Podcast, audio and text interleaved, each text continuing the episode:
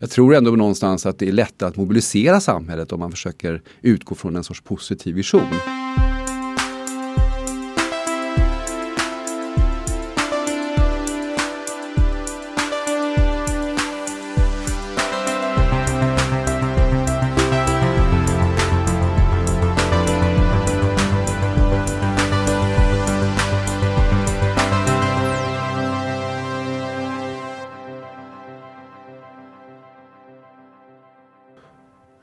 Jag som är Christian von Essen och podden heter Heja Framtiden. Hur kan man vara djupt insatt i klimat och miljöarbetet i världen och samtidigt vara envis optimist? Jo, det visar Johan Kuylenstierna att det är möjligt. Han var tidigare vd för Stockholm Environment Institute, SEI. Han sitter även som vice ordförande i Klimatpolitiska rådet som granskar regeringens klimatpolitik. Han har utsetts till årets miljömäktigaste av eh, tidningen som då hette Miljöaktuellt. Nu heter den Aktuell Hållbarhet. Han har jobbat på FN i New York och är adjungerad professor och hedersdoktor vid Stockholms universitet. Vill du ha mer av Johan så finns det också ett finfint sommarprat från 2017 att tillgå. Jag vill framföra mitt varmaste tack till eh, Helio där vi poddar. Helioworks.se heter hemsidan om du är nyfiken. Helio har massa coworking-ställen runt om i Stockholmsområdet. Och eh, vi befinner oss nu på GT30, Grev 30 i Stockholm. I smeten så att säga. Tack till Noden.se som ger ut Nodentrender, nyhetsbrevet som kommer varje fredag i mejlkorgen med eh, trendspaningar. Eh, och länkar till bra lästips. Tack till Veckans Affärer som eh, vi samarbetar med och fördjupar eh, vissa avsnitt i artiklar. Eh, väldigt kul. Gå in på va.se, där hittar du Heja Framtiden om du söker. Prenumerera också på deras nyhetsbrev och förstås på tidningen Veckans Affärer för det nya affärslivet. Eh, Warp Institute jobbar vidare. Signa upp också för deras nyhetsbrev och kom med i eh, Sveriges mest optimistiska Facebookgrupp där jag är medredaktör och skribent varje vecka. Det är skönt för själen att få positiva nyheter varje dag faktiskt. Bra, nu ska vi grotta ner oss i klimat, och miljö med eh, Johan Kuylenstierna. Varsågoda.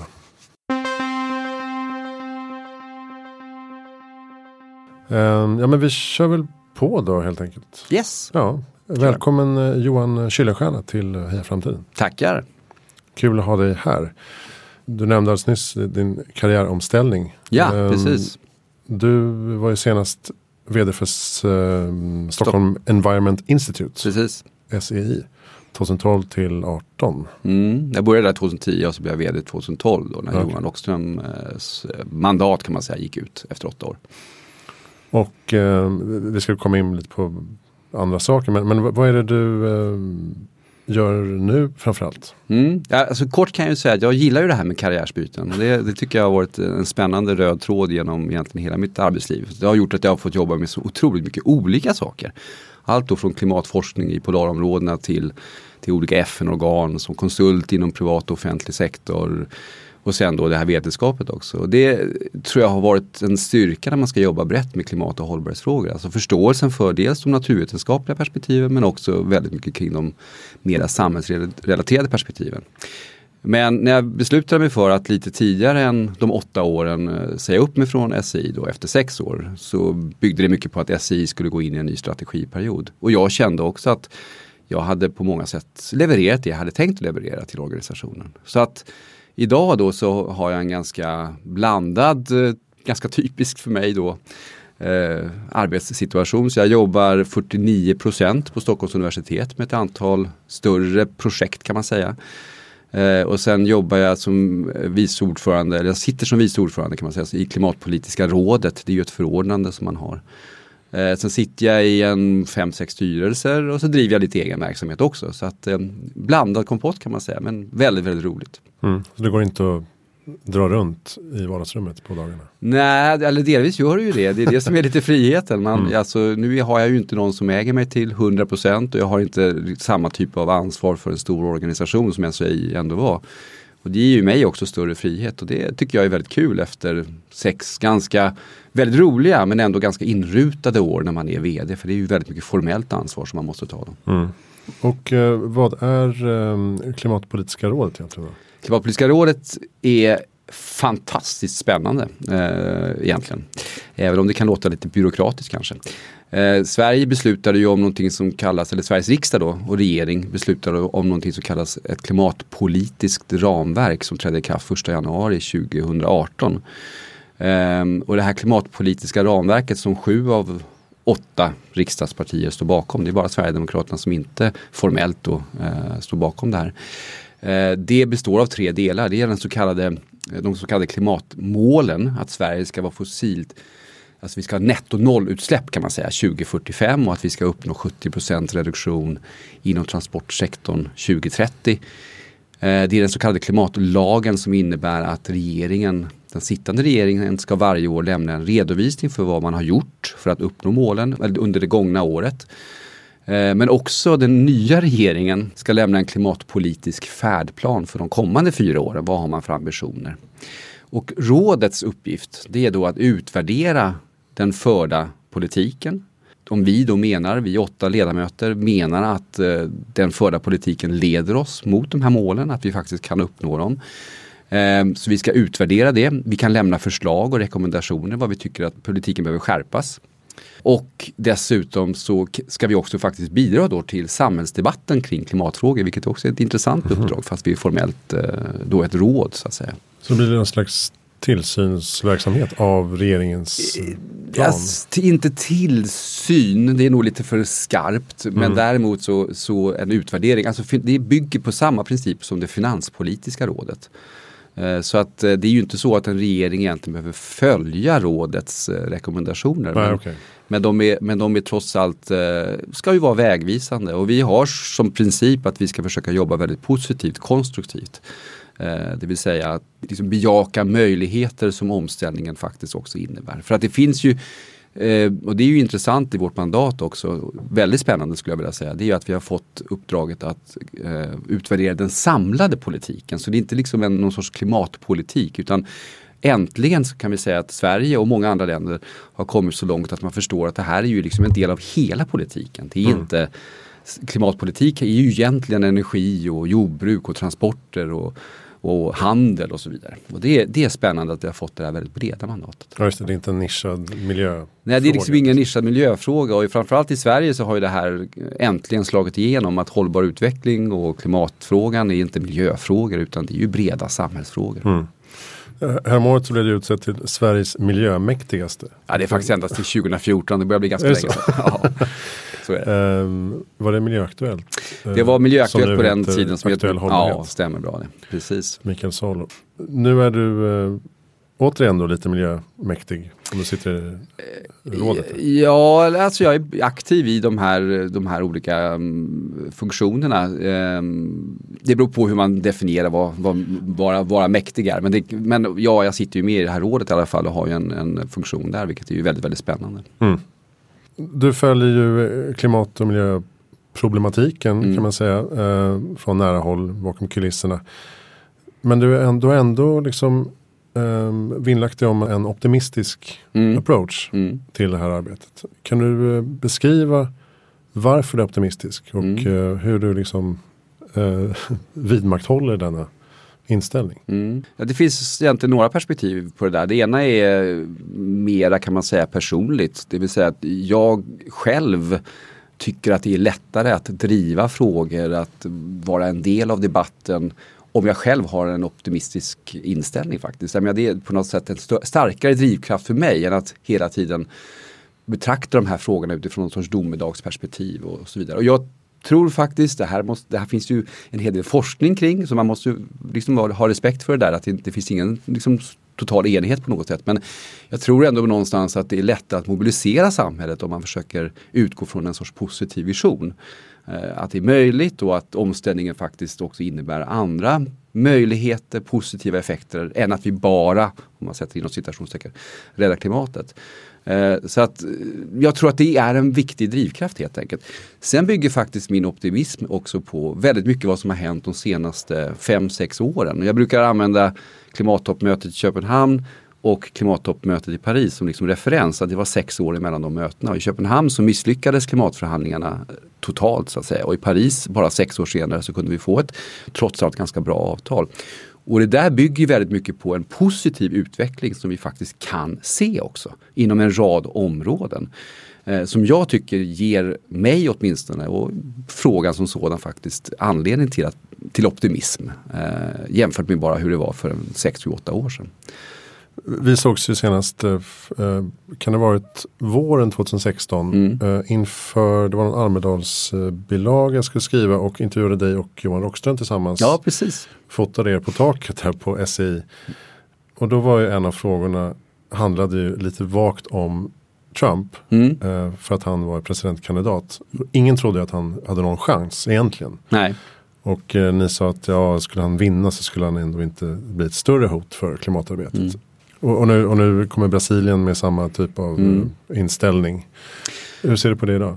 Ja, alltså jag är klart att jag är orolig till viss del och det beror ju inte egentligen enbart på huruvida Trump tillsammans med en del andra då eh, kan rulla tillbaka klimatagendan utan det handlar ju mycket bredare om internationell samverkan.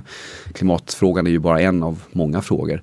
Och, och jag menar, faktum är att eh, liksom en protektionistisk politik eller en försämrad handelspolitik på många sätt och så vidare har ju också negativa effekter på hur vi kan hantera klimatfrågan. Så det är ett komplext frågemönster. Specifikt när det gäller klimatagendan, om man nu ändå snävar till den lite grann, så är jag mindre pessimistisk ändå när det gäller hur, vad Trump och en del andra kan, kan göra. Och det här bottnar just i varför jag då i grunden är mer optimistisk idag än vad jag var för 5-6 år sedan. En av huvudfaktorerna till det här är ju att vi ser verkligen början på en väldigt snabb omställning när det gäller till exempel energisystem och så vidare. Vi har massor av problem fortfarande, jag underskattar inte dem. Men om du jämför med bara hur det var för några år sedan så är det ju en enormt snabb utveckling. Och det är ändå ganska tröga system det här så man får ha respekt för det. Och den omställningen, den tror jag inte den här typen av presidenter kommer att kunna påverka särskilt mycket. Inte Donald Trump heller, mer än marginellt förstås om han gynnar fossilsektorn och så vidare. Visst kan det påverka under ett par år. Eh, men de här omställningen den drivs mycket mer idag av andra krafter än klimat. Den drivs av att länder vill säkra sin energiförsörjning. Den drivs av att länder inte vill sätta sig i händerna på oljeproducerande länder.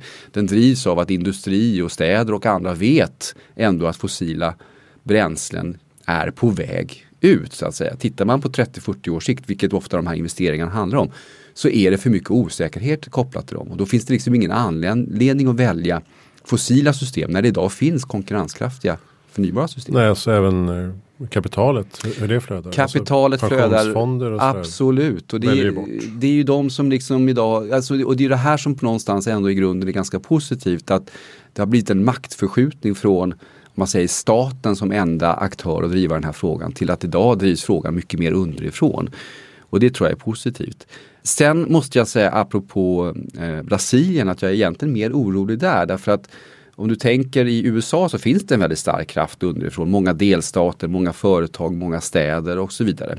Eh, men i Brasilien så ser situationen lite annorlunda ut och det är ju en stat som fungerar på ett helt annat sätt också. Och där tror jag att liksom de direkta negativa konsekvenserna vad gäller till exempel Amazonas kan ju vara mycket mer akuta. Jag menar om man verkligen börjar tillåta storskalig avverkning igen eh, så är det ju ändå väldigt viktiga resurser som går förlorade. Och då är inte det bara klimat utan det handlar ju också väldigt mycket om biodiversitet och det handlar om vattenfrågor och så vidare.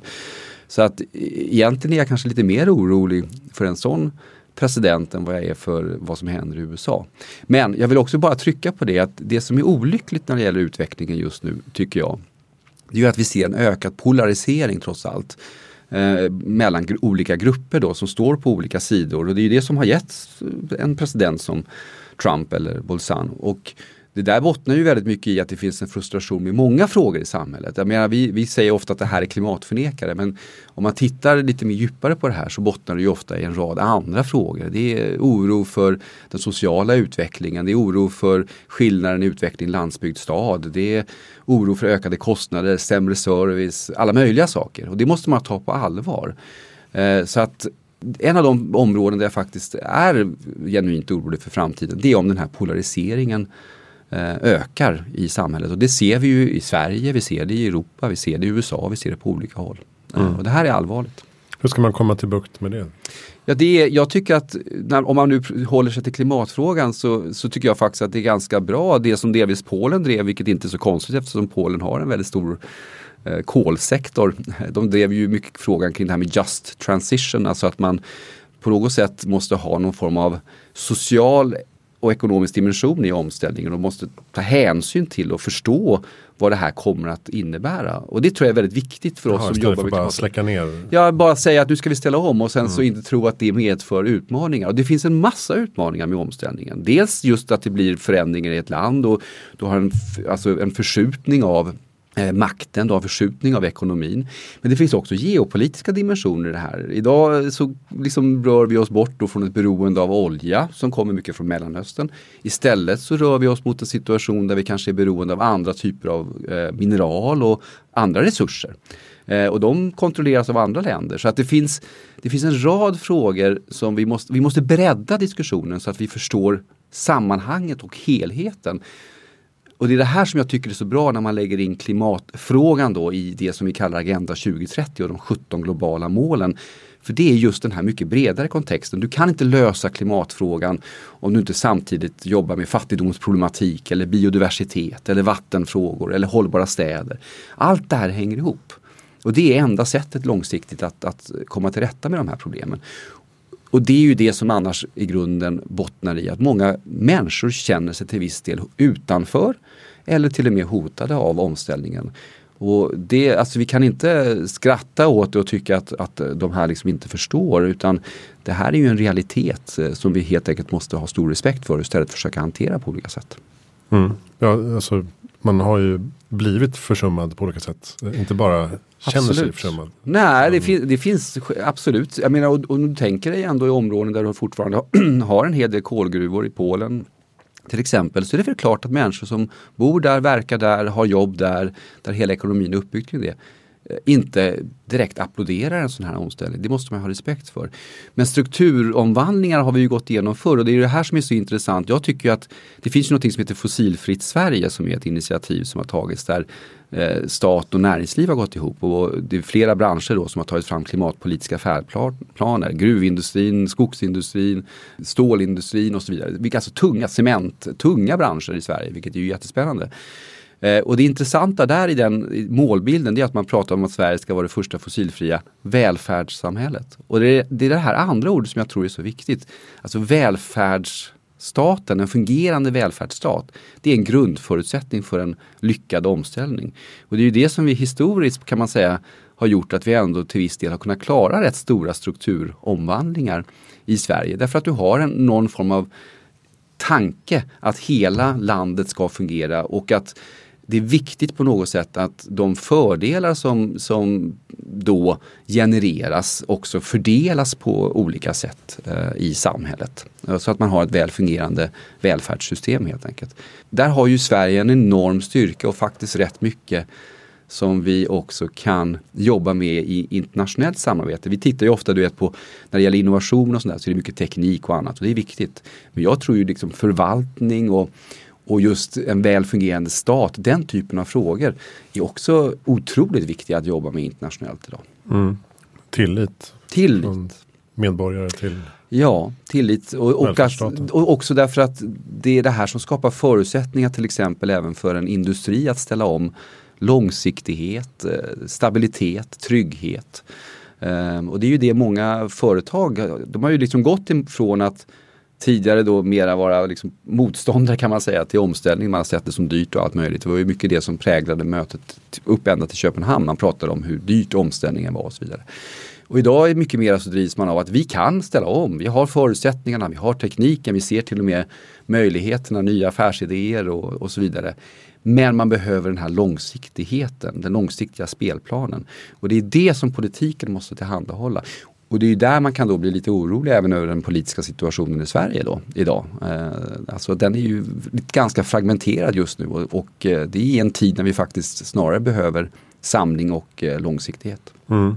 Det kommer ju ofta tillbaka till här i podden också att, eh, att det är få politiker som vågar sätta en plan 50 år framåt. Mm. För att allting handlar om att hänga, hänga kvar om två år när det är val igen. Kan eh, klimatpolitiska rådet var där och, och liksom guida lite? Absolut, det är, ju, det är ju vår uppgift och jag ska ändå ge, om man säger, alltså cred till våra politiker i just det här fallet. Därför att det är ju trots så att det klimatpolitiska ramverket det sträcker ju sig till 2045. Det är ju faktiskt ett, man har ju satt gemensamma mål och ända till 2045 och det här är ju det som är lite nytt att tänka så här. Att man, och det här kommer ju från England, där man först egentligen, Storbritannien, där man först fick den så kallade climate law. Och där man precis hade samma då grundfilosofi, det vill säga en bred politisk förankring. Det vill säga det betyder inte, just i den här frågan så spelar det inte så himla stor roll, vi ska inte spela så stor roll, vilken regering man får. Därför att målen är gemensamt satta. Och mm. Sen kan man ha olika verktyg, det vet vi, ideologiskt. Vad fungerar, vad fungerar inte? Det är ju där debatten är. Och det är det vi är satta sen att då neutralt kunna utvärdera. Att är det här verkligen då effektfulla åtgärder, leder det här till målen? Där är ju vår, liksom, vår roll då att kunna, som du säger, erbjuda någon form av guidning kanske och ja, vår då sakkunskap. Men en ny regering kan inte gå in och säga det där 2045, det skiter vi Nej, det kan de i grunden inte om de inte river upp eh, den här, det här klimatpolitiska ramverket. Eh, mm. Och som sagt var, sju av åtta partier står ju bakom det. Eh, sen är jag helt övertygad om att det kommer fortsätta att vara en debatt. Det är det redan nu när vi har fått en, en MKD-budget som ju ser lite annorlunda ut eh, jämfört med om man säger då den andra budgeten som lades eh, som var en övergångsbudget. Eh, och då blir det naturligtvis en debatt huruvida den budgeten, de åtgärder som man föreslår där och pengar som man kanske skär bort från andra delar, om det är effektivt eller inte. Och det är det här vi ska utvärdera helt enkelt. Alltså vad är, vad är då de här effekterna av en sån här budget och den förändrade politiken på i förhållandevis till de här långsiktiga målen. Mm. Och där måste vi våga att vara tydliga där vi tycker att det här faktiskt enligt vår bedömning eh, innebär en försvagning av ambitionerna. Eller i de här fallen så tycker vi att det finns, eh, att det förstärker möjligheterna. Eh, så det blir ju mycket kopplat till hur vår trovärdighet och möjlighet att där kunna liksom uttala oss i de frågorna.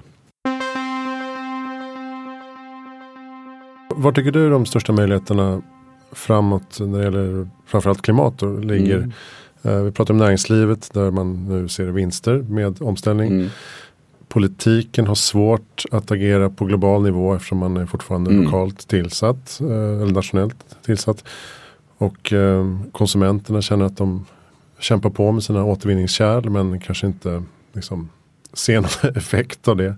Hur ska man, ska man, måste man liksom få allt det här sammanstråla på något bra sätt? Eh, krävs det globalt eh, ledarskap på något sätt? Alltså, globalt ledarskap är viktigt men jag, jag vill ändå trycka på det eftersom, eftersom det här har varit en debatt att det globalt ledarskap betyder inte att man ska ha någon sorts global regering eller, eller liksom lyfta frågan upp till den nivån när det gäller principiellt beslutsfattande. Men globalt ledarskap är viktigt därför att de globala systemen som vi ändå har, handelssystem och, och alltså investeringssystem och allt det här som är ändå någon sorts globala regelverk. De måste ju vara harmoniserade med de ambitioner vi har vad gäller att eh, klara klimatmålen också. Så jag vill bara trycka på det därför att det här har ju varit lite grann en debatt. Var ligger makten någonstans? Var ska mm. makten ligga? Och jag tror att fortfarande är det viktigt att makten ligger nära folket så att säga. Eh, men du beskriver ju just liksom problematiken att eh, olika aktörer på något sätt har olika roller. Allt från oss som individer som fattar beslut eh, många gånger om dagen som faktiskt påverkar hur det än är. Även om man kan tycka att man som enskild är liten så blir ju det samlade ganska stort trots allt. Ända upp till liksom det globala systemet. Och det man kan då konstatera tror jag det är ju att i alla de här delarna så finns det ju saker man kan göra. Men det riktigt stora, det, rikt, alltså det absolut viktigaste det är ju att ändå inse att det mesta av det här kräver ganska stora systemförändringar. Det krävs liksom att energisystemen ställs om. Det krävs ju att transportsystemen ställs om. Det krävs att stadsutveckling, hållbar stadsbyggande, hur staden fungerar. Där krävs det omställning. Och allt det här är ju länkat till att vi som individer ska kunna fatta rätt beslut. Det är ju inte så lätt att fatta beslut om att jag ska flyga fossilfritt så länge vi inte har möjlighet att flyga fossilfritt. Däremot om vi då har en utveckling som leder till att vi faktiskt får en flygtrafik som kan vara fossilfri, då är ju, gör ju det det lättare för individen faktiskt att eh, då kunna fatta beslut om att ja, men jag väljer den här typen av transport. då kanske det blir klimatsmartare att flyga Ja det kan ju till och med bli det. Alltså jag, jag tror att det är väldigt svårt att säga vad, vad, vi kommer att ha 2050. Det är ganska intressant för att jag vet när det gäller till exempel eldrivet flyg, det var ju bara för några år sedan eh, ansågs ju vara totalt orealistiskt. Och idag är det ju faktiskt en seriös diskussion eh, som pågår och att en hel del av flyget kanske skulle kunna bli eh, då fossilfritt eldrivet till och med ta transporter, godstrafik. Eh, vad vet vi om till exempel elektrifiering av de stora vägarna som kanske innebär plötsligt att lastbilstransporter faktiskt blir fossilfria helt enkelt. Och då kanske det är betydligt billigare än att satsa väldigt mycket på att bygga ut järnväg det är svårt idag också att veta hur man ska investera. Det måste man också ha respekt för. Mm. Ska man lägga 200-300 miljarder på snabbjärnväg och så visar det sig om tio år att det hade varit en tredjedel om man la det istället på elektrifierade vägar. Så det är svårt. Men jag tror att för att komma tillbaka till liksom ursprungsfrågan. Det som är viktigast framöver det är att på något sätt ändå inse att det handlar väldigt mycket om systemomställningar. Och där har någon sorts eh, samverkan mellan stat, eh, region, stad näringsliv det största ansvaret. Alltså den samverkan, där finns det största ansvaret. Vi som medborgare, vi har väldigt stort ansvar i sen faktiskt hur vi dels förstås väljer i vår konsumtion men också hur vi agerar som väljare. Äh, alltså hur vi ställer krav på och eh, puttar på våra polit eller på politiken att den ska gå i en viss riktning. Mm. Eh, och det är ju jätteviktigt. Så det behöver man inte diskutera utifrån ett ideologiskt perspektiv egentligen utan man ska ha en förväntan på att alla politiker, i alla fall de sju av åtta partierna som står bakom ramverket då, är beredda att driva en progressiv politik i den här riktningen. Eh, sen kan man då ha en åsikt om exakt vad det innebär. Det finns ju vissa nationsledare, vad säger man, eh, statshuvud. Ja, statsledare, ja, statsöverhuvuden. Ja. Som eh, Statschefer. Mm. Statschefer som fattar tuffa beslut. Eh, eh, vi ser till exempel Costa Rica och Bhutan, mm. små länder som, som sätter väldigt ambitiösa mål. Absolut. Klimatneutral eh, energi och eh, transport till exempel. Mm. Fossilfritt. Finns det en liksom, rörelse där? Att, mm. eh, att man nästan kapprustar mot grönare framtid? Ja, jag tycker man börjar se en tendens till en sån rörelse. Jag tycker att det är en intressant beskrivning som du säger. Är det en rörelse eller inte? Därför att vi har ju en tendens medialt att fokusera på de negativa rörelserna om man säger så. Man lyfter fram Trump och man lyfter fram allt vad som händer. Och glömmer kanske bort precis de här faktiskt väldigt positiva exemplen. Och jag håller med dig. Jag tror att det finns en rörelse i den riktningen och den rörelsen eh, baseras ju på flera olika saker varför man, varför man ser den här. Alltså dels är det så att vissa länder naturligtvis har lättare att säga att vi ska bli fossilfria. Man, Sverige tillhör ju dem. Eh, man har goda förutsättningar för vattenkraft och kanske andra typer av eh, grön energi om vi kallar det det. Även om vattenkraften har sina utmaningar. Men den är i alla fall fossilfri. Eh, och det är klart att andra länder har inte alls samma förutsättningar. Eh, så att vissa länder bör och kan ta ledartröja på det här. Och det intressanta är ju också att då inte bara är länder i Europa utan att det är länder runt om i världen som ser möjligheterna. Och sen tror jag också att den här kapprustningen, om man säger, kallar det det, då, positiva kapprustningen. Den, den bygger ju också på att allt fler, återigen, länder, eh, städer, företag och andra ser möjligheterna med omställningen. Man ser att det här skapar nya affärsidéer. Det här skapar ju mycket investeringar också. Nya investeringar, bygga om energisystem. Och det återigen, då är man tillbaka till, ja men det är ju kostnader. Ja men att bygga samhällen har ju alltid också varit egentligen investeringar som faktiskt genererar tillväxt. Mm. Och det är klart att då ser ju många, om vi ligger långt fram här samtidigt som hela världen ändå genom Parisavtalet har sagt att vi ska ställa om. Då kommer vi ju kunna tillhandahålla morgondagens lösningar. Det finns ett intressant svenskt exempel på det här också om man tar den svenska stålindustrin som ju också har gått ut och sagt att de ska vara fossilfria 2045, eller netto noll i alla fall 2045 det är ett fantastiskt intressant åtagande från en industrisektor i Sverige som bara för några år sedan då ändå var rätt skeptiska till den här omställningen av förklarliga skäl. Ta ett enda bolag, SSAB står för 10% av Sveriges koldioxidutsläpp. Mm. Eh, och det, så att man måste ha liksom respekt för att det här inte det är ingen, det är ingen liten omställning och det är ingen mm. litet åtagande. Varför gör de det här? Ja, det, ja, någonstans så finns det ju någon sorts affärsnytta i det här. Det är ju det, så man tänker. Det, det ska ju näringslivet göra. Och de ser ju förstås framför sig att när liksom alla världens städer och länder säger att herregud vi måste ställa om våra samhällen, vi ska ha fossilfria lösningar. Stål kommer att fortsätta vara en viktig komponent i det här var ska vi få tag i stål som innebär att vi faktiskt kan vara CO2-neutrala? Då, då plötsligt så kanske liksom svensk, då ligger ju svensk industri långt fram. Det har vi sett exempel på tidigare inom skogsindustri och alla möjliga håll. Att ja, det är svårt med den här pucken. Mm. Alltså, det är risker att vara långt fram först, ja. och först. Men det finns också höga möjligheter, alltså vinster och marginaler på om, om man faktiskt har en omställning. Och där är man tillbaka till det här, långsiktighet, politisk, alltså finns kraftfulla internationella politiska beslut som på något sätt ändå pekar i den här riktningen för hela världen som då länder ställer sig bakom. Ja, och så, och så kommer eh, återigen kapitalet. Alltså, Absolut. De utländska investerarna kommer in till Sverige och vill bygga eh, enligt jättetuffa certifieringar för att det har de sagt sin policy. Då vill de också ha klimatneutralt stål Exakt. så småningom. Så är det. Så, så det är precis, allting hänger ihop. Det gör det och det här visar ju att det är ett komplext system återigen. Och det är där jag tycker vi, vi ska vara på något sätt försiktiga med att, att trycka ner för mycket på individen.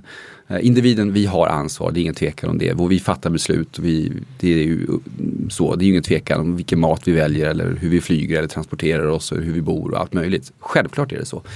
Men någonstans så tror jag ibland att man, man liksom försöker ta hela den här stora klimatfrågan och så lägga ner det till något sorts konsumtionsperspektiv. Och det, det tror jag kan vara eh, kontraproduktivt helt enkelt också. Att man får eh, någon slags klimatångest? Alltså man får klimatångest och man tycker att det är så stor fråga så att man på något sätt känner till slut att äh, det, det jag gör det spelar ingen roll. Mm. Um, men det är intressant samtidigt för, för att man har ju också kunnat konstatera att väldigt mycket hur vi påverkas som människor. Vi påverkas ju mer vad som händer, vad grannen gör och våra vänner gör eh, kanske än vad politiken säger att vi ska göra. Så mm. att när man har kunnat se exempel på det när, när det gäller solpaneler och sådana saker. Att jaha, men har grannen börjat köpa solpaneler, ja, då, då gör jag det också. Liksom. Då, då, då, då, blir det, då blir det tryck helt enkelt.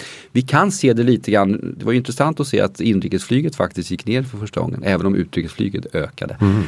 Så, och det, därför, det finns liksom någon sorts det blir ju någon sorts kulturell förändring, ett tryck i samhället som vi plötsligt tar till oss och vill vara en del av. Vi är ju flock på det sättet. Ja men man ser redan nu, apropå Facebook som du har gått ur, att det är ju det är inte lika lätt att stoltsera med sina resor. Nej. Plötsligt, det kommer en eh, Det kommer ett punkt, skifte liksom, där ja. Skifte. Mm. Så är det. Där man kan, eh, man ser folk, inte skryter nödvändigtvis, men berättar om sina resor de gjort under året. Och man vet att det kommer snart tre, två, där kom kommentaren. Så är det. Och det är som du säger, va? det är intressant att fundera på när de här typerna av skiften kommer och vad de beror på. Sen så kan jag ju tycka att om man tittar uppåt här så finns det faktiskt ett ansvar, inte minst vad gäller det internationella klimatsamfundet om vi ska kalla dem det. Eh, alltså vi som jobbar med klimatfrågor och, och jag tycker att det är lite beklämmande faktiskt idag att se Eh, hur många stora globala konferenser som ordnas eh, när det gäller klimatfrågan. Alltså, dels har vi de formella konferenserna som jag tycker är viktiga som är kopplade till klimatavtalet. Och det är det jag tycker man ska driva och de ska vara verktyget också för den här typen av debatter och dialoger. Men sen hade man ju en jättekonferens i, i San Francisco förra året och nu ska Arnold Schwarzenegger ordna en stor konferens i Österrike och Wien. Eh, och jag tycker att man faktiskt även därifrån måste börja fundera lite grann på eh, ansvaret när det gäller det här. Det blir liksom visuellt så ser det ju inte bra ut med alla dessa eh, konferenser. Jag tycker människor ska träffas. Jag är, jag är i grunden mycket positiv till att vi kan flyga, att människor kan se världen, att vi kan komma ut. Och jag tror ju mer på att driva omställningen att man ska förbjuda flyg i ett förlängt perspektiv. Det betyder inte att man inte kanske måste ha en minskning under en period till vi faktiskt får en omställning. Man måste driva på den. Så i grunden är jag positiv till att vi kan röra oss. Men, men det, det är klart att det, vi måste ju också fundera på vilket ansvar vi har. Och det måste ju faktiskt också även det internationella samfundet och vi som jobbar med internationella frågor. Mm. Så det är ingen tvekan om det. Jag har själv valt att minska väldigt mycket på mitt, mitt flygande och eh, jag, kan, jag tycker att det är positivt.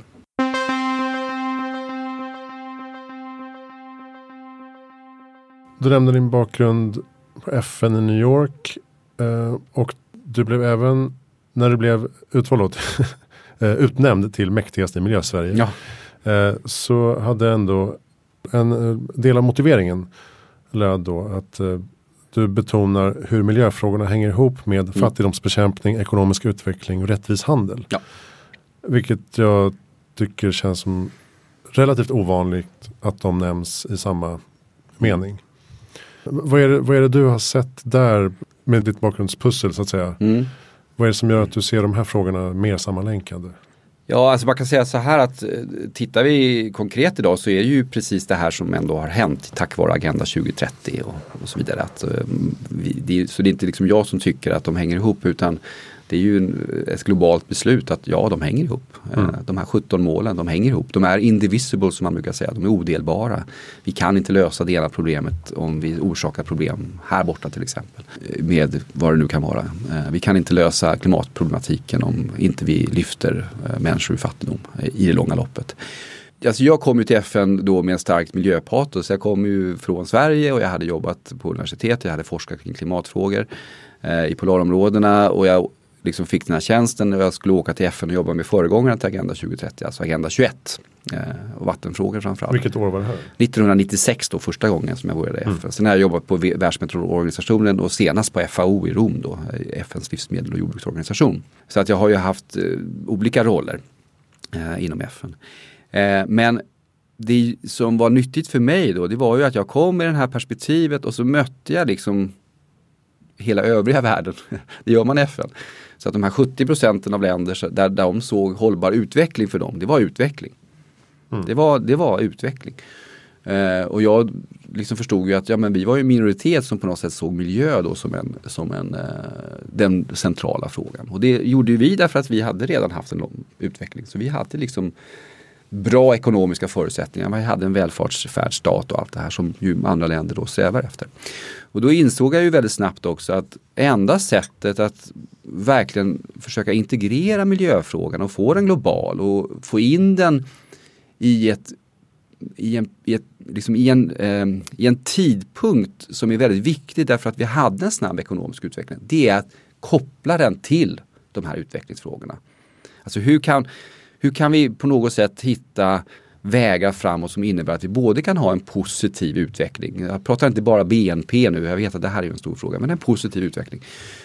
Och samtidigt då att det här innebär att vi faktiskt löser dagens och morgondagens miljöproblem. Att vi inte sätter oss då i, i nya utmaningar till exempel då måste man ju in i de ekonomiska systemen. Och då handlar det ju dels förstås om hur länder agerar, vad länder gör, hur man investerar eller städer och så vidare. Men det handlar också om de globala systemen. Väldigt mycket av flöden av kapital, direktinvesteringar mellan olika länder. Ett näringsliv som är globalt, hur deras värdekedjor fungerar, och vilket ansvar de tar.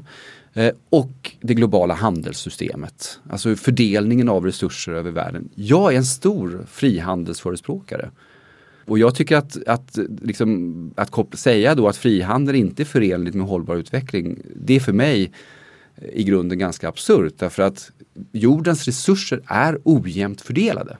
Och vi är liksom 8 miljarder människor som ska fördela och bo på den här planeten. Och vattenresurser och markresurser och energi och mineraler, whatever, det är ojämnt fördelat. vi måste ha ett handelssystem för att det här ska kunna fungera. Och det är därför jag då tycker det är så viktigt att istället för att prata liksom att man är anti-globalisering, globalisering, så ska man prata hur kan vi få till ett handelssystem som faktiskt är bra för hållbar utveckling, som innebär att människor får möjlighet till utveckling, alltså som innebär att vi faktiskt kan använda jordens resurser på det mest effektiva sättet.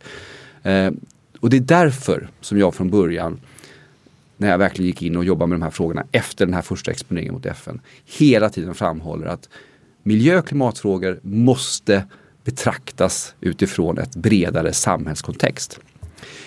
Lite utmanande ibland därför att vi pratar alltså mycket om planetary boundaries till exempel. Att det är ju jordens grundläggande system, ekosystem, vatten och så vidare som är basen för samhället. Jag håller självklart med om det. Men ska man lösa problemen som vi har med just vårt överutnyttjande av de här resurserna och det faktum att vi då till exempel påverkar atmosfären. Då måste vi göra det genom samhället och vår ekonomi. För det är där liksom lösningarna ändå måste finnas på något sätt. Det är ju hos människan. Så att eh, det, det där är ett komplext samspel där man inte kan förenkla för mycket genom att säga att ja men det är liksom, vi måste, det, det basen är ändå naturresurserna eller liksom systemen och så ska samhället anpassa sig till det. Utan, utan vi måste förstå att vi måste jobba genom samhället för att lösa de stora mm. globala miljöproblemen. Då tyckte jag man märkte ett skifte. till exempel med Världsnaturfonden, WWF. Mm. Som, Jag sitter i deras styrelse vilket Jaha, är okej. väldigt, väldigt, eh, väldigt intressant. ja, nej, men jag gjorde någon Earth Hour-bilaga för några år sedan. Mm. Och jag tänker ju på Världsnaturfonden med pandan och sen Mm. att de är ute på någon savann och räddar en tiger ungefär. De hade ju redan då, det var 6-7 år sedan, eh, ställt om till att fokusera på urbana miljöer. Mm. Och städerna, urbaniseringen. Mm. Eh, för att det är där påverkan sker. Mm. Det är där vi kan hitta smarta lösningar. Mm. Och det, det blev väl lite en tankeställare för mig i alla fall. Absolut. Nej men så är det och jag menar jag, det jag tycker WWF har varit en, nu är jag ju lite jävig då, då men jag tycker att de har varit en, en frontrunner lite grann från miljörörelsen i det här perspektivet. Att man måste koppla ihop hela naturvårdsfrågan med liksom samhällsutvecklingsfrågan. Jag menar bara det faktum att eh, vi blir allt mer urbaniserade. Vi har ju passerat 50 procent och vi närmar oss ju 70 procent på alla kontinenter och vi liksom fortsätter urbaniseringen det betyder ju att det är otroligt viktigt att ge, jobba genom, inte bara för att städerna då är liksom, det är mycket där tillväxten finns och det är där infrastrukturen finns och det är där utsläppen finns och så vidare. Utan också därför att det är ju ändå vi urban, alltså den urbana befolkningen, det är ju väldigt viktig i hur vi lever våra liv och fattar beslut och vad vi tycker är viktigt och prioriterar. Och det finns ibland en risk då att om man bor i en stad så liksom blir man disconnected från, eh, frikopplad från landsbygden och vad som händer någonstans utanför. Och det är en ganska stor risk det här. Och där är, det- är därför det är så väl, väldigt viktigt tycker jag att jobba med, med de urbana frågorna och med människor eh, som lever i städerna. Men sen har ju WWF också kunnat konstatera till exempel när det gäller naturvårdsarbete i väldigt många länder. Inte minst då i, i Afrika men även i Asien och på andra håll. Att kan du koppla ihop naturvårdsarbetet, nationalparker, skydd av vilda djur med ökade inkomstmöjligheter för människor som bor i regionen. Alltså att de får arbete som parkvakter eller att de, man kan visa till exempel att en nationalpark, en marin nationalpark innebär att fisket faktiskt ökar i omgivande trakter. Du kan få ut mer resurser. Så blir det ju ett sånt här exempel på där liksom den här samverkan, positiva samverkan mellan investeringar i miljö som genererar då en positiv tillväxt och en positiv möjlighet till, till ökade inkomster. Och det har WWF också varit väldigt duktiga på. Att, att jobba enligt de principerna och på något sätt inse att vi kan inte ha liksom en nationalpark, höga stängslen och liksom stänga ute människor som bor utanför. De fortsätter att leva i fattigdom. Eh, Medan vi då kan åka på safari och titta på, eh, på djuren. Alltså det, det, det är ett sätt som inte fungerar längre. Eh, och det är därför jag också ändå i grunden är positiv. För att jag tror att alltså fler och fler länder ser de här möjligheterna. Alltså de tjänar mer på alltså man tjänar mer på att ha valsafari än att skjuta en val. Liksom. Döda en val. Eh, och det, det, är ju exempel, det finns ju fler och fler sådana exempel. Där vi faktiskt som människor, vi söker ju mer och mer den här naturen. Eh, och då blir den plötsligt ett värde. Eh, och det tror jag är viktigt. Sen kan man ha åsikter om det här med att vi alltid ska lägga ekonomiskt värde på allting. Men Mm. ja, ändamålen helgar medlen. Så är det. Precis, saker som har ett värde tar man tillvara lite bättre också. Ja, vi måste tyvärr vara väldigt pragmatiska eh, när det gäller det där. Och ibland så klart svider det lite i, i själen kanske att man måste helt enkelt lägga den här, de här ekonomiska perspektiven på någonting som egentligen är ovärderligt. Jag menar ekosystem är ju ovärderligt. Vi kan ju inte leva utan Återigen, vi är tillbaka till den här frågan. Så att jag, i grunden är jag ju naturvetare. Mm. Men eh, jag har valt att eh, nog vara väldigt pragmatisk och, och se var kan man mest effektivt få den förändring som vi behöver. Mm. Apropå det då, Bill Gates skriver i sitt eh, 2018 brev Mm. eh, att han eh, tror starkt på en hållbar utveckling av kärnkraft. Mm. Hur ser du på det? Ja, svår fråga och kan liksom bara ge ett eh, Snärtigt direkt svar. snärtigt svar. Så här, om jag ger, det här är mina personliga perspektiv. Eh, för det första, kärnkraft är fossilfritt förstås, eh, när man använder den. Sen så är det utsläpp i samband med att man ska utvinna uran och sådana saker och transportera och allt möjligt. Så det är ju inte 100% fossilfritt, men det är fossilfritt. Eh, kärnkraft är inte förnybart. Eh, det är trots allt bygger ju på en icke förnybar resurs. Även om det finns också nya generationer kärnkraft som kan använda sig av bränslet, som man, alltså det uttjänta bränslet, och, alltså avfallet och så vidare. Så att det finns en massa intressant teknikutveckling som jag inte kan alls tillräckligt mycket om. Så det är därför jag är försiktig och kategorisk och säger det ena eller det andra. Däremot så tror jag, i alla fall ja, i ett rimligt perspektiv, att kärnkraften ändå kommer få svårt att prismässigt konkurrera med andra eh, energislag som utvecklas väldigt snabbt. Mm. Eh, sol, vind, eh, termisk, eh, bio till viss del där man även ska vara viss, med viss försiktighet men ändå det finns en potential. Det kommer säkerligen andra vågkraft, eh, havsströmmar som vi kanske kan använda och så vidare. Kärnkraften har ju haft den här funktionen. Det, det, finns, jag menar, det är ju inte bara liksom att man ska generera energi utan det handlar ju också om det här med balans och att det finns liksom, Eh, balans i systemet, eh, alltså effektproblematiken och sådana saker. Och där spelar ju kärnkraft och vattenkraft en viktig, har ju spelat en väldigt viktig roll. Så att det kopplas ju väldigt mycket till också hur vi kan koppla ihop energisystem. Eh, sen, sen är jag väl ändå av kanske åsikten, om jag får uttrycka en åsikt, att det kan ju vara klokt att eh, använda sig och köra kärnkraft i ett land som Sverige eh, så länge den fungerar, eh, den vi har så att säga åtminstone. Så att det blir en del av omställningen. Eh, därför att vi, vi, vi, ska ju naturligtvis vara försiktiga med vår energiförsörjning eh, och att den fungerar på ett bra sätt. Men jag är inte expert eh, på de här frågorna och eh, det finns ju väldigt många åsikter förstås. Eh, sen har jag ju lite grann, alltså det, dels finns det avfallsproblematiken. Sen kan jag tycka att det här, är en, det här visar på en fråga där vi är lite skenheliga ibland i Sverige och det här tycker jag är en intressant fråga faktiskt också till framtiden. Alltså, alltså kärnkraft kärnkraften, om du, om du drar lite förlängningen vad det här handlar om. I Sverige så, vi har kärnkraft men vi, har, vi bryter inte uran i Sverige. Vi har, vi har ju uran, det finns ju faktiskt uranfyndigheter. Jag kan inte uttala mig om de skulle vara brytvärda eller inte idag men det fanns diskussioner om att bryta uran i Västergötland, i Ranstad på 70-talet, 60-70-talet. Eh, jag tror till och med faktiskt att vi har förbud mot uranbrytning i Sverige. Mm. Men vi har kärnkraft. Så det innebär ju att vi hämtar uranet någon annanstans. Det kommer ifrån ja, Australien, Ryssland. Jag vet faktiskt inte var riktigt var svenskt uran kommer ifrån idag. Eller kärnkraftsuran. Det här tror jag kommer bli en intressant fråga framöver generellt nu om vi tar ett annat område, det vill säga omställningen. Ehm, och där ser vi ju en debatt redan idag. För att det är inte så att omställningen till sol, vind och andra energislag är utan utmaningar. Utan det är ju nya naturresurser som kommer att krävas. Batterier. Batterier men även liksom metaller i, i, olika funktioner. Men vi har allt från allt elektronik överhuvudtaget. Va?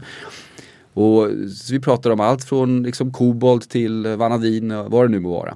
Och där är ju också idag liksom flödet av de här metallerna väldigt det är fortfarande väldigt kontrollerat av Kina. Rätt mycket av utvinningen sker i länder där man har ganska dålig lagstiftning och under ganska svåra förhållanden. Och det blir ju allt mer tryck nu att titta på länder som har sådana här tillgångar. Sverige är ett av dem. Eh, och det här kommer ju skapa mycket debatt framöver. Eh, därför att dels handlar det ju om vill vi ha gruvor i Sverige eller inte? Men samtidigt så är det då kopplat till den här omställningen som vi vill ha.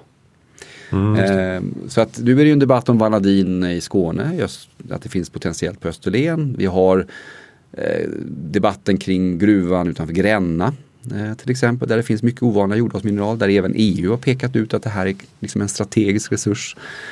Om man ser långsiktigt för försörjning. Det finns stora fyndigheter möjligen uppe i norra Sverige också, även kobolt och annat.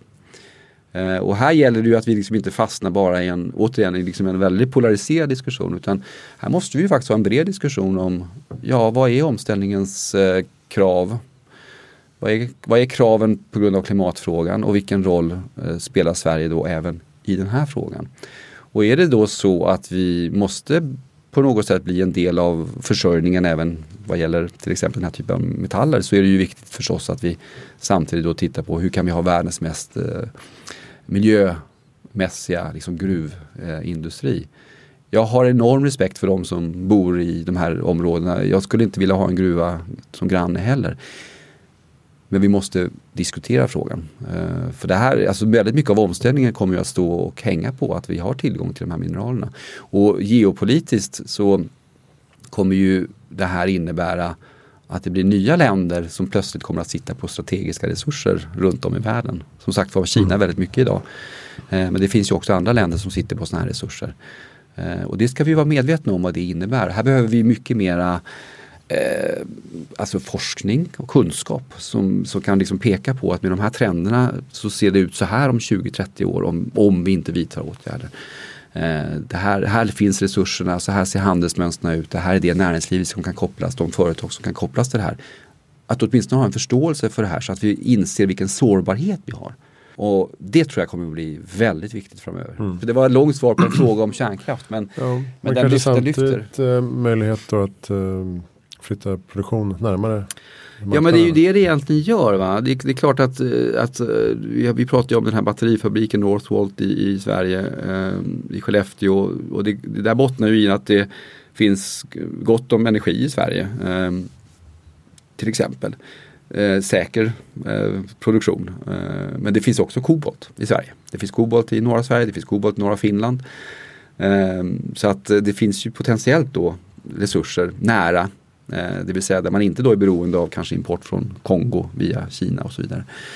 Um, och, så att det här är ju liksom, det, här, det blir ett helt nytt strategiskt landskap vad gäller energiförsörjning uh, för omställningen och vad gäller uh, mineraler uh, för omställningen. Och, och, det är viktigt det här för att väl, alltså hur den är, omställningen kommer kräva massor av investeringar i ny infrastruktur. Och om de investeringarna, om det är materialet, cement, stål, mineraler, whatever it is. Om det inte då ganska snabbt kommer att kunna ställas om till att pro kunna produceras på ett klimatsmart sätt. Då innebär ju omställningen åtminstone under en period eventuellt ökade utsläpp.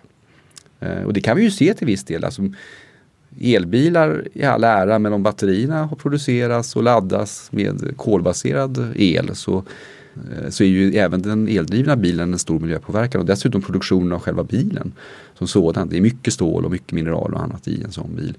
Så att det, det här är, det är liksom fortfarande väldigt många frågor som vi måste jobba mycket mer med om vi verkligen ska få det här liksom klimatneutrala samhället. Ja, samtidigt som man inte kan tro att det sker över en natt. Utan att Absolut. avskrivningstiden kanske är lång. Jo men det är det den är och jag menar vi kan inte stoppa utvecklingen bara för att vi har problem idag utan tvärtom vi måste bara få upp det, vi måste våga diskutera det. Det får inte bli liksom en diskussion där man säger ja men nu har vi elbilar så nu har vi löst allting. Utan man måste då säga att ja elbilar, en stor möjlighet. Eh, det här är utmaningarna och de måste vi också jobba med. Mm. För att verkligen se till att det här blir då ett långsiktigt hållbart Måste forska jättemycket mer på effektiva batterier. Och eh, Absolut, och produktion och så vidare. Och tänk även på att alltså stålindustrins omställning då till fossilfritt stål 2045 bygger ju på att man ska ha vätgasreducering eh, istället för att använda kol. För alltså man reducerar järnmalmen till stål. Eh, och då ska man ha vätgasreducering istället för kol. Eh, och eh, vätgas producerar man med hjälp av mycket energi, el. Ja, Eh, och, det, att det, och då passar det i Sverige därför att vi har i, i potentiellt väldigt mycket energi. Då. Eh, men, men återigen så, så, visar ju det här att det här kräver ju liksom, det är inte stålindustrin som kan ansvara för då hur hela elsystemet eller liksom infrastrukturen ska se ut. Så det är hela tiden en samverkan nu mellan mellan omställning som sker inom olika eh, industrisektorer och statliga investeringar, regionala investeringar och så vidare. Och det är det här som är så viktigt varför man måste ha den här långsiktigheten. Varför till exempel ett initiativ som Fossilfritt Sverige är så viktigt som ett komplement då till klimatpolitiska ramverket. Fossilfritt Sverige är ju en frivillig sammanslutning där liksom industrin jobbar tillsammans med staten med de här stora omställningsfrågorna. Och, vilket är jättebra medan då klimatpolitiska ramverket är ju mer en formell eh, funktion. Så att säga. Så mm. vi behöver flera sådana här typer av samverkan, samarbeten som på något sätt ändå har en gemensam vision. Och där vi också vågar lyfta de svåra frågorna, inte sopa dem under mattan för att vi är rädda för att, att, att, vi, att vi får kritik. Och det där finns det ibland, det finns en, liksom en, en politisk korrekthet i klimatdebatten som gör att det tyvärr är ganska svårt att ibland lyfta då, liksom de svåra frågorna kopplat till omställningen. Kan mm. jag tycka. Man är rädd för att det ger eh, klimatförnekarna och de som vill bromsa utvecklingen eh, liksom ett artilleri då. Eh, och, det, mm. och det gör det därför att de älskar ju att peka in på sådana här små liksom enstaka frågor. Men Alltså vi måste våga ta den debatten och vi måste våga vara öppna och transparenta. Det är enda sättet tror jag i, i längre perspektivet. Mm. Vilket eh, för mig till nästa fråga, en av de avslutande frågorna. Eh, vad är ditt bästa tips för att göra världen bättre i framtiden? det var en liten fråga. Mm -hmm. Alltså, jag går utanför mitt eget egentligen område. Jag tror att det, det viktigaste för att göra världen bättre i framtiden det är att det finns någon form av eh, rättvisa för hur resurser fördelas. Alltså, jag tror aldrig vi får i grunden en, en bättre värld det där är ju en definitionsfråga vad det innebär dessutom. Jag menar, massor av människor har fått det bättre de senaste eh, Alltså, vi har lyft hundratals miljoner människor i fattigdom. Så man ska vara väldigt försiktig med sådana här frågor överhuvudtaget. Men jag, alltså jag tror att i grunden så handlar det ändå om att människor måste känna att de har en positiv livssituation och en positiv framtidstro och utveckling. Jag tror att det är den absolut viktigaste grunden för att vi ska lyckas med alla andra frågor också. Så att jag går liksom utanför mitt eget, mitt eget område. Jag tror verkligen på frågan om social hållbarhet tror jag är så viktig. Eh, jag menar, det kan vi bara gå till Sverige också. Ökad segregation, eh, utanförskap. Alltså det, det, skapar enorma spänningar i samhället, stora kostnader och gör att det ju i grunden blir väldigt svårt att, att driva andra frågor också. Eh, mm. Så att, och det har vi ju sett genom hela mänsklighetens historia egentligen. Så um, rättvisa, resursfördelning, optimism? Ja, alltså som då i grunden leder till att, att människor faktiskt kan ha en, en positiv framtidstro. Eh, för det, det, gör att man också blir mer förändringsbenägen och, och så vidare. Eh, och jag, jag menar samhällen som inte fungerar, eh, det är inte hållbara samhällen. Ja, många fattiga länder har väldigt små utsläpp av koldioxid så du kan ju säga ja de är ju nästan klimatneutrala men det är ju inte hållbara stater. Det är ju stater där, där det finns enorm orättvisa och enorm frustration och enorma sociala problem och migration och allt möjligt förstås. Så att du kan liksom inte eh, du kan inte bara sätta likhetstecken mellan att oh, vi ska inte ha några utsläpp och sen, då, liksom, då har vi en välfungerande st eh, stat. Utan det är, det är faktiskt lite grann tvärtom. Du måste få långsiktigt en välfungerande stat där människor på något sätt ändå känner att det finns en rättvis fördelning av resurser, att det finns en möjlighet för individen att utvecklas, att det finns en positiv framtidstro. Då kan du också få till de förändringar som i, i det långa perspektivet faktiskt leder till en hållbar utveckling inklusive då eh, att vi löser klimatfrågan. Bra. Har du något bra lästips? Det finns mycket intressant att läsa. Jag, alltså jag måste säga det att jag tycker, även om den inte är lätt att läsa, så är FNs senaste specialrapport eh, ändå faktiskt väldigt intressant. Man behöver inte läsa allt i den. Låter, jag vet att jag är väldigt teknokratisk när jag säger det. Jag läser faktiskt väldigt mycket annat. Jag läser just nu till exempel Peter Englunds eh, senaste bok om 1918. Eh, Han har ju skrivit en hel mm. serie och den är också intressant tycker jag apropå hållbarhet. Jag tycker jättemycket om att läsa historia. Eh, så jag läser kolossalt mycket historia. Eh, men om jag nu ändå ska hålla mig till klimat så tycker jag faktiskt att den FNs senaste specialrapport är väldigt intressant. Därför att med det så lyfter den ju fram allt det här med vad som krävs för att hålla oss under en och en halv grad och att det är svårt men att det finns möjligheter och så vidare.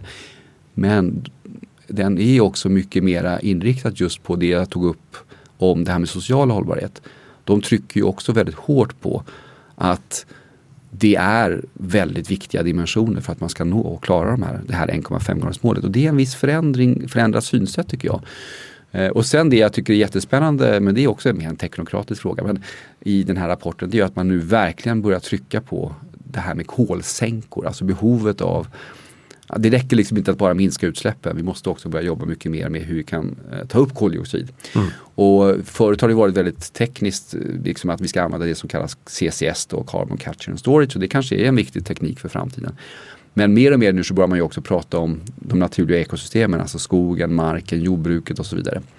Och det där tycker jag är väldigt spännande. Dels därför att Sverige har väldigt mycket potential eh, förstås eh, i det här, liksom med vårt skogsbruk och så vidare. Men även det globala jordbruket. För jag tror att här har vi ett typexempel på liksom, win-win, det vill säga att om man ser det här som en möjlighet att investera i jordbruk, skog och så vidare så kommer det sen kunna ge massa andra positiva effekter, biodiversitet och produktivitet i jordbruket och vattenhållningsförmåga och sådana saker.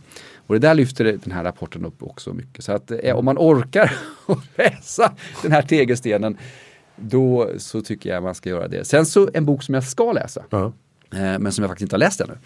Eh, och som jag tycker ska bli jättespännande det är den här boken Svält som vi fick Augustpriset i år, eller förra året eh, i kategorin facklitteratur var det väl.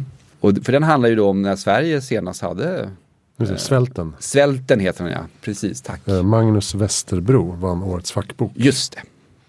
För att den handlar ju om när Sverige senast hade hungersnöd på 1800-talet. och det där är jätteintressant därför att Eh, det kopplas ju till en rad olika frågor som vi, vi på något sätt eh, diskuterar här tycker jag. Dels så fanns det ju faktiskt klimatrelaterade faktorer. Eh, vi hade väldigt kallt, vi hade alltså lilla istiden under den här perioden. Bland annat, vilket var svårt för det svenska jordbruket. Eh, alltså frost sent och tidigt är ju inte bra för jordbruk. Mm. Så att vi hade liksom, på den, det var en klimatrelaterad men åt andra hållet. Eh, vi hade dåliga system för att hantera det här. Eh, välfärdssystem. Det här var ju en av drivkrafterna att människor flydde Sverige, flyttade till USA och mm. andra håll. Det här är ju inte så himla länge sedan. Um, och det, jag tycker att det är intressant att läsa den här typen av böcker och förstå den resa vi har gjort, som har varit väldigt viktig. Och det, det man kan konstatera det är att mycket av vad som hände ändå var ju att vi fick väldigt stora offentliga investeringar i Sverige sen under slutet av 1800-talet, början av 1900-talet. Alltså först förstås allmän folkskola och sen började alltså man få ut utbildningsnivån men sen också infrastruktur, att man byggde bort slummen i städerna, man fick in vatten. Vi byggde upp energisystem, vattenkraften, alltså väldigt liksom konsekvent ett arbete för att bygga det här samhället. Väldigt intressant att, att lägga in det i ett perspektiv av idag där allting går så mycket fortare. Vi gjorde det här under 50, 60, 70 år. Vi, har väl inte, vi är inte klara ännu kan man säga. Men ändå. Eh, och idag så ser man ju liksom länder som går igenom den här transitionen i, på väldigt kort tid, kanske 10-15 år. Mm. många länder som står inför den. Så den boken ska jag läsa för jag vill liksom förstå lite grann. Det är jätteintressant att eh, vad jag förstår så har han beskrivit mycket av de, de liksom perspektiven omkring det här. Hur statsmakten agerade eller inte agerade och hur man reagerade på, på de här frågorna. Och jag tror att vi har väldigt mycket att lära oss av, av historien eh, i det här avseendet faktiskt. Mm. Så lästipset blir en bok som jag inte har läst än. Svälten. Ja. Eh, upplyftande. Men eh, eh vad heter FN-rapporten om man ska googla fram den? Ja, den, het, den har en lång eh, IPCC Special Report on 1.5 degrees. Om du, om du slår det så kommer du hitta den. Och då får du väl den långa namnet. Jag tror att det är ett väldigt långt namn på den egentligen. Ja, vi kan lägga ut den i avsnitts... Eh, ja, det är nästan bättre för den har hopplöst lång, eh, lång, lång titel. Jag har själv engagerat mig allt mer i frågan om eh, livsmedelsförsörjning och den typen av, alltså vårt livsmedelssystem. Eh, nu i, har varit en del i debatten efter sommarens torka och där jag liksom också trycker på mycket det här med under vilken förutsättningar jobbar till exempel då det svenska jordbruket. Det här tycker jag att det finns ett väldigt intressant perspektiv från Sverige. Det är många frågor som verkligen kan kopplas till klimatfrågan, till handelsfrågor och så vidare. Därför att vi, vi i Sverige med årets torka så blev vi ju faktiskt nettoimportörer av spannmål. Vi brukar vara mm. nettoexportörer och det var en ganska stor sak egentligen. Eh, som har gått under radarn ganska mycket. Men plötsligt så var vi tvungna att gå ut på en global marknad. Och det visar ju sårbarhet. Det visar ju trots allt. Att om du tänker att du, det är ganska få länder som nämligen är stora nettoexportörer. Det är USA och Brasilien och några till. Och det här är ett ganska, ett ganska sårbart system egentligen. Så tänker du dig att klimatförändringar gör att du slår ut produktionen på väldigt många håll samtidigt runt om i världen. Då kan du ganska snabbt få en global livsmedelskris. Och det är klart att länder som Sverige klarar sig väldigt, väldigt bra. Vi har ekonomiska förutsättningar men i många andra länder så pekar man ju på att snabbt stigande priser ger social oro. Man pratar om att delvis den arabiska våren liksom triggades av höjda livsmedelspriser. Där är man ju otroligt sårbar i Mellanöstern. Man importerar ju väldigt mycket, alltså man, har, man har lite vatten. Eh, man kan inte producera själv. Och då blir man väldigt eh, sårbar för de internationella systemen. Men även då i Sverige så påmindes vi om vår sårbarhet. Och rätt mycket så har vi ju ett krav på jordbruket att det ska ställa om, det ska bli mer klimatsmart och vi ska kunna ha hög produktivitet och så vidare. Och tittar man då samtidigt på jordbrukssektorn, inte hela livsmedelssektorn, men jordbrukssektorn, jordbruket, så är ju lönsamheten extremt låg. Eh, och egentligen så går man ju ofta med ett underskott kan man säga. I år så definitivt så gör man ju det totalt sett. Och det gör ju att de ekonomiska förutsättningarna för att investera då i ökad klimatanpassning men också investeringar som kanske krävs för att vi kanske måste öka konstbevattning i Sverige. Vi måste, alltså det finns massa saker som vi behöver göra. Eh, det är svårt att få fram då kapital för det. Så att vi hade svält på 1800-talet i Sverige därför att vi hade ett jordbruk som inte kunde försörja vår befolkning och uppenbarligen så hade vi inte heller riktigt fungerande liksom, globala handelssystem. Och naturligtvis många människor var väldigt fattiga då till skillnad från idag. Men eh, återigen, inte för att liksom vara alarmistisk, men historien kan liksom visa oss ändå det här med sårbarhet och hur viktigt det är att även vi funderar på eh, Eh, var och hur vi är sårbara. Och vi har ju en livsmedelsstrategi i Sverige och jag tycker att man borde lyfta frågan om sårbarhet mycket mer i den. Och jag tycker också faktiskt i en förlängning att man borde lyfta frågan om hur Sverige ändå skulle kunna vara en nettoproducent av livsmedel för den globala marknaden. För vi har förutsättningar för det. Och tittar man på framtiden så tror jag att det här kommer bli en av de riktigt stora frågorna. Mark och vattenresurser börjar redan bli strategiskt sett, geopolitiskt, väldigt viktiga frågor. Eh, och allt fler länder får svårare att kunna försörja sin egen befolkning. Växande befolkning, klimatförändringar som påverkar vattenresurser. Eh, så att liksom framtidsspaning från mitt perspektiv det är att eh, de här basala frågorna kring livsmedelsförsörjning, vattenresurser. Det kommer att bli en het potatis under de kommande 15-20 åren. Mm. Det råder ingen tvekan om den saken och, och där kommer ju eh, teknikutvecklingen också gå hand i hand med, med detta för, förhoppningsvis. Absolut, men det är ju alltså teknikutveckling när det gäller, alltså, när det gäller att producera. Det är klart att vi kan göra mycket och vi har ju haft fantastisk produktivitetsökning. Men det finns också, alltså det är ändå biologiska processer mm. till slut. Det finns, det finns ju liksom gränser Eh, det kommer säkert inte teknikfantaster hålla med om. Men det finns på något sätt ändå vissa barriärer som är svåra att, att komma över. Och vi ska ju också då komma ihåg att en hel del av den här positiva utvecklingen den har ju varit beroende av mycket energitillförsel till systemet till exempel. Men också tillförsel av andra saker. En annan strategisk resurs är ju fosfor.